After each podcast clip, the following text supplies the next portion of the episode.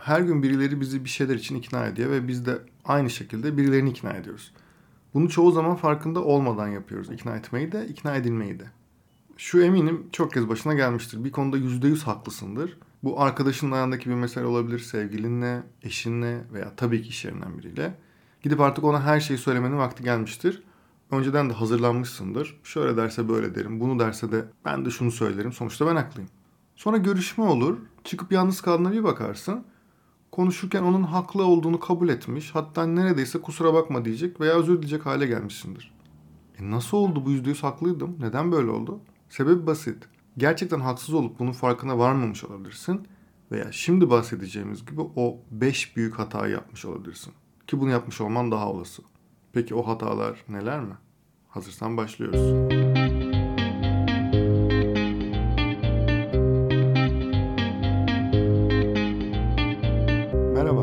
Hakan Şık. Fikrin ne kadar önemli ve aslında ne kadar da önemsiz olduğunu konuşacağımız podcast serisi Bedava Fikre hoş geldin.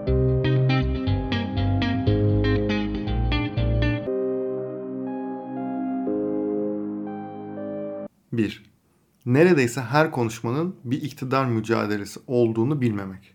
Biraz sert bir giriş oldu değil mi? Ama maalesef gerçek bu. Bu çok az istisnası olan bir durum. Neredeyse herkesle yaptığımız her konuşma bir iktidar mücadelesidir. Her konuşmanın bir kazananı ve bir kaybedeni var demek değildir bu ama her konuşmanın sonunda iki taraf arasında bir ast üst ilişkisi oluşur veya olan ilişki sürdürülür. Mutlaka bir taraf bir veya birden çok konuda haklılığını karşı tarafa tescil ettirir. Burada yanlış anlamanı istemediğim önemli bir nokta var. Her konuşmada iktidar sahibi olmak her zaman en iyi seçenek olmayabilir. Örneğin çok agresif biri istisnasız her konuşmada iktidar olmaya çalışırsa e, mutlaka birileri arkasından iş çevirip kuyusunu kazar ve iktidarı farklı yollarla elinden almaya çalışırlar. Bu yüzden buradaki kritik nokta her konuşmanın bir iktidar mücadelesi olduğunu bilip nerede iktidarı kendi elimize almayı tercih edip nerede karşı tarafa bırakacağımızı seçmektir. İktidar mücadelesi tamamen bir strateji oyunu. 2. Sessizliğin gücünü anlamamak. Bir grupta genelde en çok konuşan ve insanları kendini en çok dinleten kişi insanları en çok ikna eden kişidir. Bu doğru bilinen yanlışların başında gelen düşüncelerden biri. Çok konuşan ikna etmek için daha fazla fırsatı olabilir. Evet bu bir avantaj. Ama bu insanlar genelde sessizliğini kullanamadıkları için uzun vadede kazanmaları daha zordur. Anlık kazançlar elde ederler. Çok yakın bir ilişkide olmadığımız insanların yanındayken genelde sessizlik olsun istemeyiz. O anı gözünün önüne getirdin değil mi? Sanki sessizlik saygısızlık demekmiş gibi gelir. Hele de ev sahibi sessizlik olmasına katlanamaz. Bazen saçma sapan bile olsa bir konu açmak ister. Bu iş ortamında da geçerli. Bir yere toplantıya gittiğimizde veya şirket içinde bir toplantı olacağı zaman sessizliğe dayanamaz kimse. Yani dikkat et hemen birileri konuşmaya başlar ve bir konu açmaya çalışır. Bunu yapan insanlara karşı sessiz kalmak çoğunlukla onların daha fazla konuşmalarını ve konuşurken de kimi zaman aslında söylememeleri gereken ve senin işine yarayabilecek bir bilgiye ulaşmana yol açar. Böyle söyleyince biraz tuhaf gelebilir. Doğru ortamlarda birkaç kez denersen ne demek isteyeceğimi anlayacaksın. Sessizliği kullanabilmek ikili ilişkilerde kullanabileceğin en büyük silahlardan biri. Karşı taraf bir sorun olduğunu düşünüp ortamı ısıtmaya ve sen açmaya çalışacaktır. 3. İnsanların derdini anlamaya çalışmamak. Hepimizin uzun ve kısa vadeli çözmeye çalıştığı dertler ve ulaşmaya çalıştığı hedefler var. Bunları bazen biliyoruz bazen de bilmiyoruz. İkna etmek istediğimiz insanların dertlerini umursamazsak onları ikna etmemiz tamamen şansa kalmış oluyor. Birini ikna ederken eğer onun da faydasına olacak bir şey sağlamıyorsak bu ikna etmek değil, sömürmek veya bir şeyi zorla yaptırmak oluyor. Dolayısıyla karşımızdaki insanların o andaki derdini veya daha uzun vadeli bir derdini çözmek için konuşmuyorsak ikna etmemizin neredeyse hiçbir yolu yok. Örneğin bir iş toplantısındayız diyelim. Toplantıda anlaşma yapmak istediğimiz diğer şirketten 3 kişi var ve onları bizim ürünümüzü almaları konusunda ikna etmek istiyoruz. Muhtemelen dertlerini anlamak için 3 ila 5 dakika arasında falan bir zamanımız var Peki bu kadar zaman içerisinde nasıl dertler olduğunu nasıl anlayacağız? Evet bu anlatacaklarımı mutlaka yüzlerce kez yapman gerekli ki ustaca yapabilirsin ama ben yine de tüyoları vereyim. Bir kere en başta onların konuşmasına izin vermek nasıl karakterler olduklarını anlamak için çok iyi bir fırsat olacaktır. Üç kişinin katıldığı bir toplantıda mutlaka hiyerarşik bir düzen vardır. İlk saniyelerde bunu anlamak önemli. Yaş ve konuşma tarzları genelde bunu anlatır. Eğer hiyerarşik olarak daha altta olan kişi toplantı boyunca çok az konuşuyorsa ya çok deneyimsizdir ya da üstünden çok çekiniyordur. İkna etmen gereken kişi o değil. Diğer kişilerden biri diğerine hiyerarşik olarak bağlı diyelim. Muhtemelen hiyerarşik olarak aşağıda olan kişi kendini üstteki kişiye beğendirmek istiyordur. Bu yüzden eğer toplantıyı o ayarladıysa toplantı içerisinde mutlaka onu bu toplantıyı ayarlamak için gösterdiği özveri ve genel olarak ne kadar akıllıca kararlar veren biri olduğunu herkese söylemen gerekir. Bu şekilde ona üstünün gözüne girmesi için bir fırsat sunmuş olursun. Toplantı sonrasında senin hakkında negatif konuşma olasılığını sıfır indirmiş olursun. Hatta pozitif konuşacaktır. Gelelim toplantının tabiri caizse ağır topuna. Sanıyor musun onun derdi yok? En büyük dert onun. Muhtemelen ensesinde boza pişiriyorlar başka işlerden dolayı ve mutlaka o an ters giden bir şeyler var ve kafası toplantıda değil o diğer ters giden işlerde. Bitse de gitsek diyor yani. Dolayısıyla ona da kendi üstlerine satabileceği ve kendini gösterebileceği bir şey vermelisin.